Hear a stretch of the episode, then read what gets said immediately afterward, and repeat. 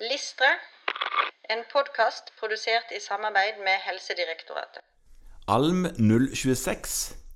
Selvstendig kunne bruke tid og gjentatte konsultasjoner som virkemiddel, diagnostikk og behandling. Ja, dette er et fantastisk flott læringsmål. Ja, er. Her, her er vi inne i basis, grunnfjellet av allmennmedisinsk metode. Ja, Som egentlig går ut på at tiden leger alle sår. Ja, ikke helt alle. Nei, ikke men, helt alle. Men, men det som jo er viktig eh, for å være i bildet, er at hvis tiden ikke leger såret, Ja. så er det også betydningsfullt. ja, det er akkurat det. Og det er jo det vi har anledning til i allmennpraksis. Ja, for det, nå er vi Mange kan kanskje oppleve at man har dårlig tid. Ja, mange føler på det. som, eh, spesielt som allmennlege og fastlege i disse dager. Men det som er viktig, er at tiden er et fantastisk diagnostikum. Og man kan bruke tid til å vurdere effekt av behandling. Ja. Og heldigvis vil mange av problemstillingene man møter i allmennpraksis, være sånn moderat alvorlige. Ja, ja, heldigvis er det jo sånn at eh, det er stort sett ikke helt krise. Nei, og, og da har man ofte tid til å se ting litt an.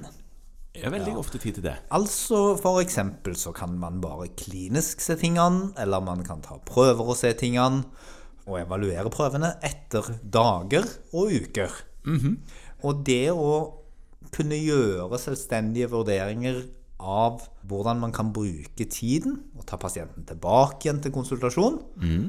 og evaluere effekt av å vente og se, effekt av forskjellige behandlingsforløp, effekt av forskjellige behandlingsforsøk, det er grunnleggende i allmennmedisinsk metode. Ja, og det skiller seg fra eh, hvordan man eh, kan holde på dersom man bare har en pasient innom som man ikke kjenner. Da er det ikke like lett å ta tilbake igjen. Nei, det er ikke like lett, og dette er også sånn at for at man skal bli god i dette, så må man ha pasienter over lang tid. Ja, Sånn at man får øvd seg både på de korte, og de mellomlange og de lange løpene. ja, Eh, Som jo kan gå over mange, mange uker til måneder noen ganger. ja, og til og med år. Ja. Og i starten så vil man være usikker på eh, hvor lenge man kan la det rusle og gå. Ja, men- ja og, og sitte med en ubehagsfølelse i magen og tenke at oi, jeg burde kanskje gjort noe. Kanskje jeg burde gjort noe nå. Kanskje nå. Ja, Ja. burde, burde, burde. Og kanskje i går. Oi, Ja. jeg er for sent ute. Ja. Ja. Og den magefølelsen den kan jo etter hvert roe seg fra å være sommerfugler til å være mer ro. På at jo, dette går fint. Ja. Vi kan vente og se. Ja. Eh, Noe som kommer med erfaring. Jeg løper ingen stor risiko ved å la dette gå noen, noe tid til. Nei. Dette er noe man skal øve seg på, og som læringsaktivitet så tenker man at dette er noe som kommer med praksisen. Altså i denne berømte åpne, uselekterte praksisen. Og så skal man da øve sammen med andre spesialistkandidater i gruppeveiledning. Og reflektere rundt og jobbe med problemstillinger der man ser på hvordan dette kan benyttes til å avklare tilstander.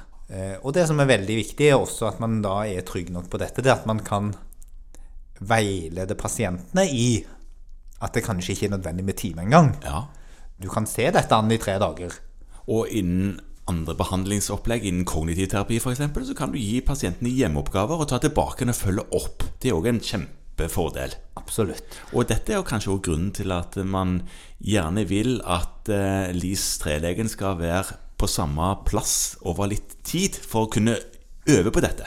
Du får ikke øvd på dette hvis du ikke kan se pasienten igjen flere ganger, helst over flere måneder.